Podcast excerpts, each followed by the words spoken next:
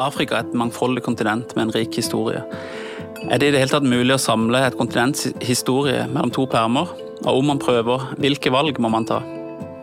Velkommen til Akademisk kvarter, en podkast fra Cappelen Dam Akademisk, hvor du denne uka skal møte forfatteren av boka 'Afrika fra de første mennesker til i dag', Torlin Eriksen, professor i utviklingsstudier ved Oslo OsloMet, i samtale med meg, Lars Aase, som er redaktør eh, for humaniora og samfunnsfag i Cappelen Dam Akademisk. Tore, velkommen til Akademisk kvarter. Afrika er en eh, verdensdel med 55 stater, omsluttet av tre hav, delt opp i, eh, av verdens største ørken, eh, med en rekke ulike klimasoner. Hvordan går man fram hvis man skal skrive en samla historie over et kontinent med så store variasjoner som Afrika? For det første så må man jo ha en stor porsjon med selvtillit. Fordi det er klart det er mulig, men det er en dristig gjerning. Eh, det er, men det er også nødvendig. Og det er jo fordi at vi i dag eh, har eh, et skolesystem, og i og for seg et forlagssystem også, hvor Afrika, eller andre deler av verden utenfor Europa, i veldig liten grad får oppmerksomhet. Jeg har gjort det ekstra vanskelig for meg ved å ikke følge det som mange andre gjør, nemlig å dele Afrika mellom Nord-Afrika og Afrika sør for Sahara. Uh, Afrika, som du sier, har 55 stater. Det er Afrika. Mm. Uh, Nord-Afrika, i Egypt, er en uh, afrikansk sivilisasjon. Store tenkere på 1300-tallet var afrikanere. Det er slik at det er rett og slett et samlet kontinent. Og gjennom historien har jeg forsøkt å vise at Sahara, som du nevnte, eh, rett og slett eh, ikke bare er en barriere, men er et sted for handel, for kamelkaravaner, for gull, for salt, eh, for pilegrimsferder. Du sier at du ikke har gjort det lett for deg med å ta med Nord-Afrika, men du har også gjort det ytterligere vanskeligere med å legge opp til et tidsspenn med 7-8 millioner år. Ja. Øh, noen historikere kjenner jo ingen grenser. Men jeg har jo satt den i og for seg øh, til sju millioner år. Det er ikke big bang og milliarder år tilbake. Når det er gjort, øh, så er det med det er ganske gjennomtenkt, for å si det sånn. Fordi vi vet jo i dag at alle de viktige stegene i evolusjonen fram mot den arten vi tilhører, da, Homo sapiens, foregikk i Afrika. Mm. Første gang på to bein, første gang med enkle steinredskaper, første gang med ild. Eh, der eh, utviklingen av et mye større hjernevolum og en sosial hjerne fant sted. Og også fordi vi vet at det er ut fra Afrika, den østlige og nordøstlige delen, at utvandringen til andre verdensdeler fant sted. Så vi er jo på en måte alle afrikanere. Sånn sett så kan man si at det å skrive Afrikas historie på mange måter er å skrive om våre egne røtter. Ja. Dette er en bok som eh, på mange måter oppsummerer arbeidet ditt i og med Afrika egentlig helt tilbake til 70-tallet. Eh, hvis du skulle skrevet denne boka for eh, la oss si 20 år siden, hvordan ville det ha endra framstillinga fra den foreliggende boka? Ja, Med historie er det jo sånn at det blir stadig mer av den. Så jo lenger man venter, jo mer kan man få med. Men selv om vi bare går fem år tilbake i tid, så var jo kunnskapsgrunnlaget og perspektivene eh, annerledes. Jeg kikka så vidt på den ganske lange litteraturlista bak i boka, og der ser jeg at det er nesten 200 bøker med som er utgitt fra 2015 ja. og fram til 2019, altså den perioden jeg har jobbet med denne boka. Og Det betyr for det første at vi har mye ny kunnskap, ikke minst om den tidligste historien, med genforskning, DNA forteller oss mye. Det er kommet en helt ny klima- og miljøforskning uh, som uh, gir oss mye ny kunnskap om forhold mellom mennesket og naturen, mm. eller mellom mennesket og andre deler av naturen. Ehm, og det er ny kunnskap som forteller oss om eh, arkeologi. Tidligere var det stort sett bare Egypt hvor europeiske arkeologer interesserte seg for. Men i dag er det jo afrikanske arkeologer som eh, stadig avdekker at historien til det første jordbruket går mye lenger tilbake i tid enn vi trodde. Historien om den første jernproduksjonen går mye lenger tilbake. Mm.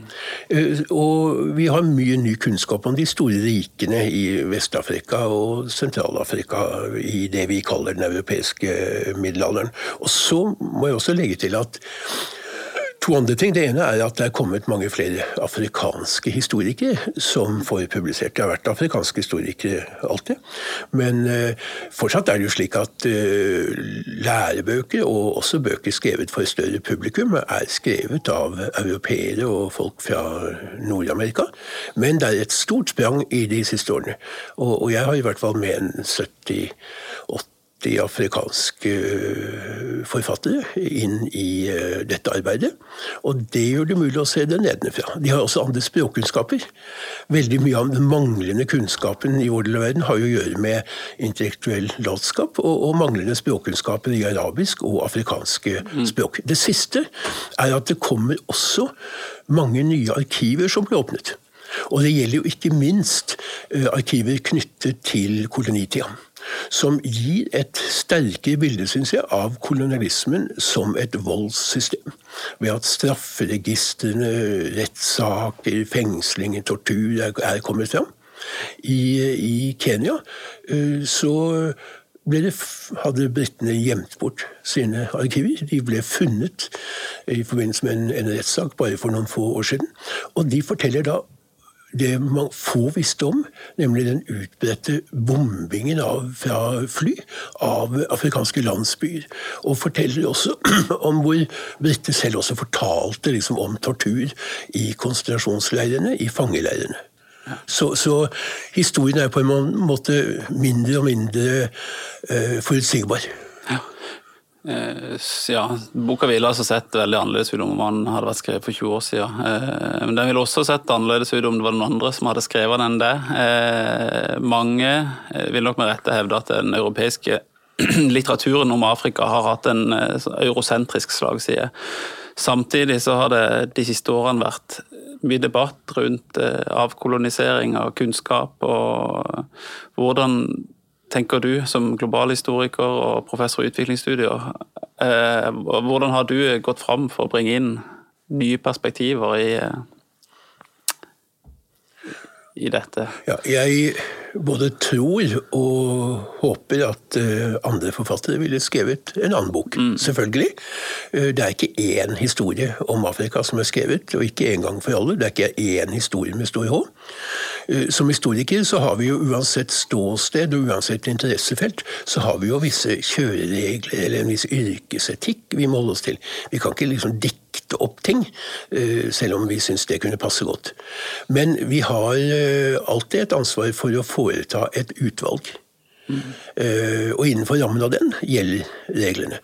og det er klart at med min bakgrunn innenfor global historie, så er det jo veldig naturlig å vise til og trekke fram og diskutere de områdene hvor Afrika ikke har vært isolert. Forestillingen om Afrika som et isolert kontinent, som en slags sånn temapark for spesielt interesserte, det er ikke et bilde som holder lenger. Og Det har litt å gjøre med at innenfor globalhistorien er det nå en sterk tendens til å interessere seg for verdenshavene. Mm. Og Ser vi på kartet, så ser vi at Afrika er jo omgitt av Atlanterhavet, av Middelhavet, Rødehavet, kanskje som er en del av Indiehavet. Og handelsforbindelser, kulturelle forbindelser, kulturutveksling, religiøse impulser har jo foregått i tusenvis av år. Ikke så langt tilbake når det gjelder Atlanterhavet, som jo har å gjøre med koloniseringsperioden og ikke minst slavehandelen, mm. men det er et globalhistorisk perspektiv. Så er det klart at som utviklingsforsker er jeg opptatt av makt, ulikhet, miljø. Og, og da er det temaer som jeg forsøker å løfte fram. Dessuten er det også sånn at et utvalg ofte kan finne sted også ut fra hva en sjøl har forsket i, eller hvor man har bodd. Og det er klart at um, afrikansk historie eller kolonitida ser jo ikke lik ut uh, overalt. Og en historiker som f.eks. har arbeidet med relativt velstående afrikanske bønder som i gode tider i hvert fall tjente på å produsere kakao, og, og som hadde sønner som fikk høyere utdanning i USA. Eh, for dem vil jo kolonitida se litt annerledes ut enn for meg som spesielt har arbeidet med, med øh, folkemord i Namibia, med apartheid i Sør-Afrika, med de områdene hvor folk er drevet vekk fra jorda. Så, så det må man også ta høyde for. Uh, men objektivitetskravet betyr ikke at man stiller seg likegyldig, eller at alt er likegyldig.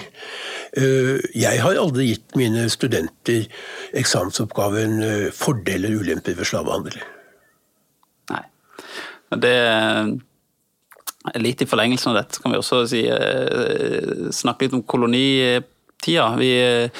Boris Johnson, Storbritannias statsminister, er en av flere briter som mener at eh, Storbritannia bør løfte fram og kjenne en stolthet over sin kolonihistorie. Eh, dette, dette er en periode som viser mange kapitler i boka. Og hvilke spor vil du si at den har satt, siden den vies såpass mye plass? da? Eh, for det første, altså Boris Johnson er jo ikke den første. Det har jo vært en tendens i de siste 20-25 åra i Storbritannia, uavhengig av eh, partifarge hos regjeringene. Og, men Boris Johnson er jo særlig nostalgisk og ønsker seg tilbake til Victoria-tida, altså den andre halvdel av 1800-tallet. Og jeg sa ja, så han svarte en journalist, skal ikke vi klare å få til handelsavtale, vi som har styrt nesten hele verden? Eh, for meg så ble faktisk kolonitida viktigere og viktigere jo mer arbeidet med nytt stoff og ting fra nye arkiver og miljøhistoriske perspektiver. Eh, men det som er tydelig, er at man kan ikke si noe om kolonitida under ett.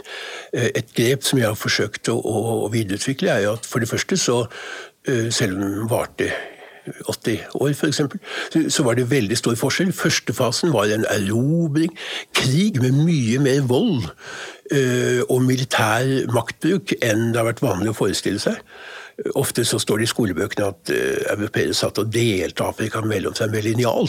Nei, de okkuperte det med maskingeværer. Mm. Um, og den første perioden, første 20-årene kanskje, falt også sammen med en stor økologisk katastrofe. Og ikke minst at de ble dratt inn i den første verdenskrigen. Uh, mange sier at, historie, at kriger er altfor mye kriger i historien. Jeg mener at når det gjelder Afrika på 1900-tallet, så er det altfor lite om hvordan Afrika ble trukket inn i kolonimaktenes kriger. Og, og, det er på en måte en understrekning, eller en side ved kolonialismen som voldssystem. Som ikke er godt nok eh, dekket. 2,5 millioner afrikanere ble beordret til tjeneste i en eller annen form under den første verdenskrig. Eh, sivile og militære til sammen kanskje en million mistet livet. Eh, så kriger er ikke uviktige. Men det er også slik at uh, Mellomkrigstida uh, var en periode med økonomisk krise, også i store deler av Afrika. Og på det tidspunkt hvor kolonimyndighetene var i gang kanskje med enkelte velferdstiltak, så ble det strammet inn. Og så er det den tredje fasen, etter 1945. Da uh, står det også i en del andre historiebøker at nå skjønte imperiemakten at det gikk mot slutten av kolonitida. Nei, det er veldig klart, det gjorde det ikke. Isteden var det slik i 1945 at Frankrike og Storbritannia var veldig klar over at imperiet hadde vært med å redde dem ut av den andre verdenskrigen. Hadde vært med på å redde dem ut av den økonomiske krisa. Og nå skulle spille en viktig rolle for å levere råvarer, eksportvarer, for å bygge opp Europa igjen etter krigen.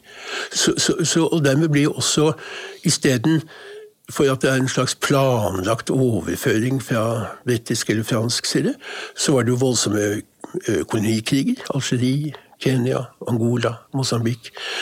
Men det var også en ganske brede folkebevegelser i afrikanske land. Og Hvis man bare ser på det som noe som gis ovenfra, så undervurderer man afrikanere som handlende subjekter, aktører, liksom i sitt eget lands liv. Og i dag ser vi jo klart at noen trekk, selv om kolonimene var forskjellige Noen steder ble de drevet vekk fra jorda, andre steder fikk de beholde jorda. Noen steder var det mineraler som de ble plyndret for, eh, ofte med barnearbeid i gruvene. Eh, men noen fellestrekk var det, og de lever på en måte videre. Det ene er jo at kolonisystemet jo var jo ikke et demokratisk system.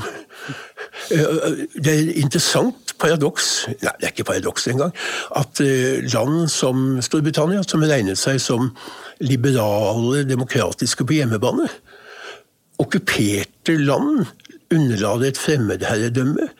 Ingen politisk deltakelse, ingen stemmerett for de som bodde der.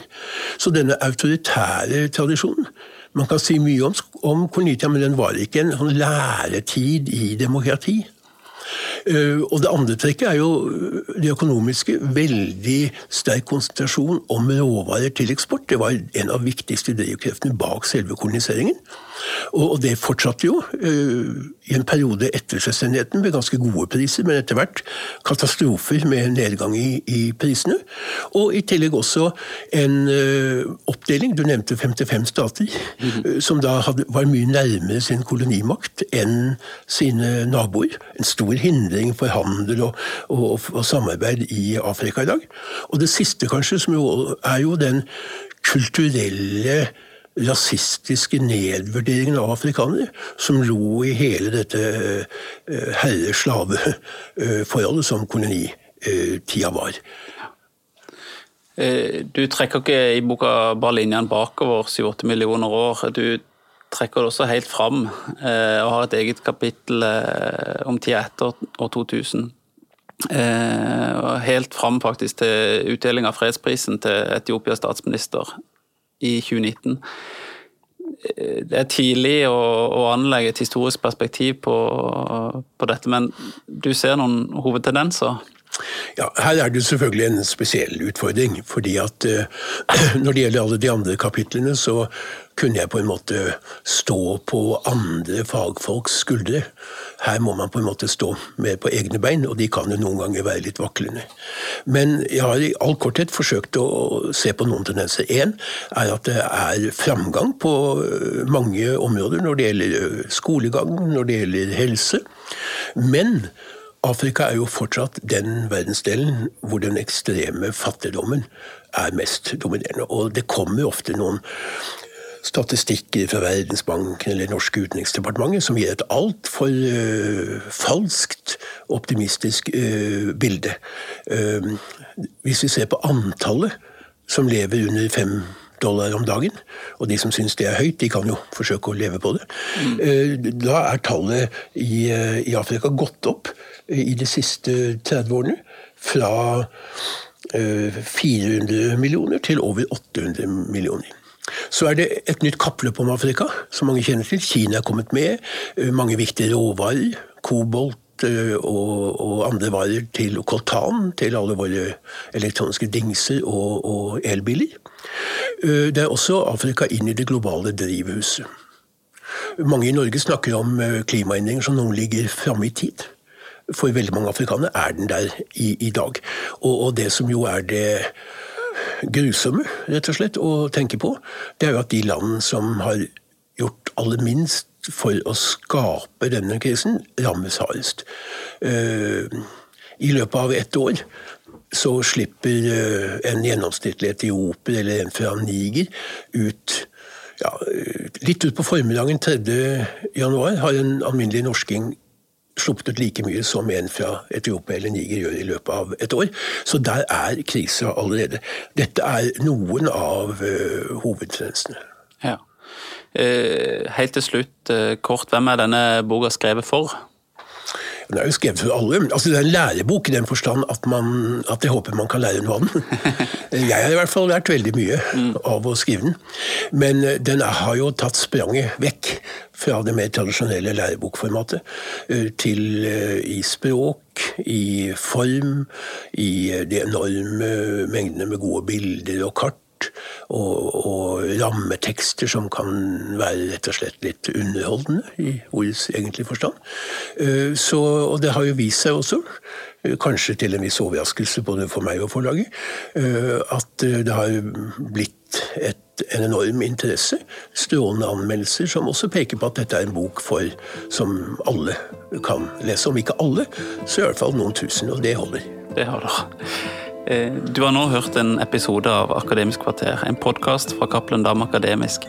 Boka vi har snakket om i dag, 'Afrika fra de første mennesker til i dag', er tilgjengelig i bokhandel og på nett.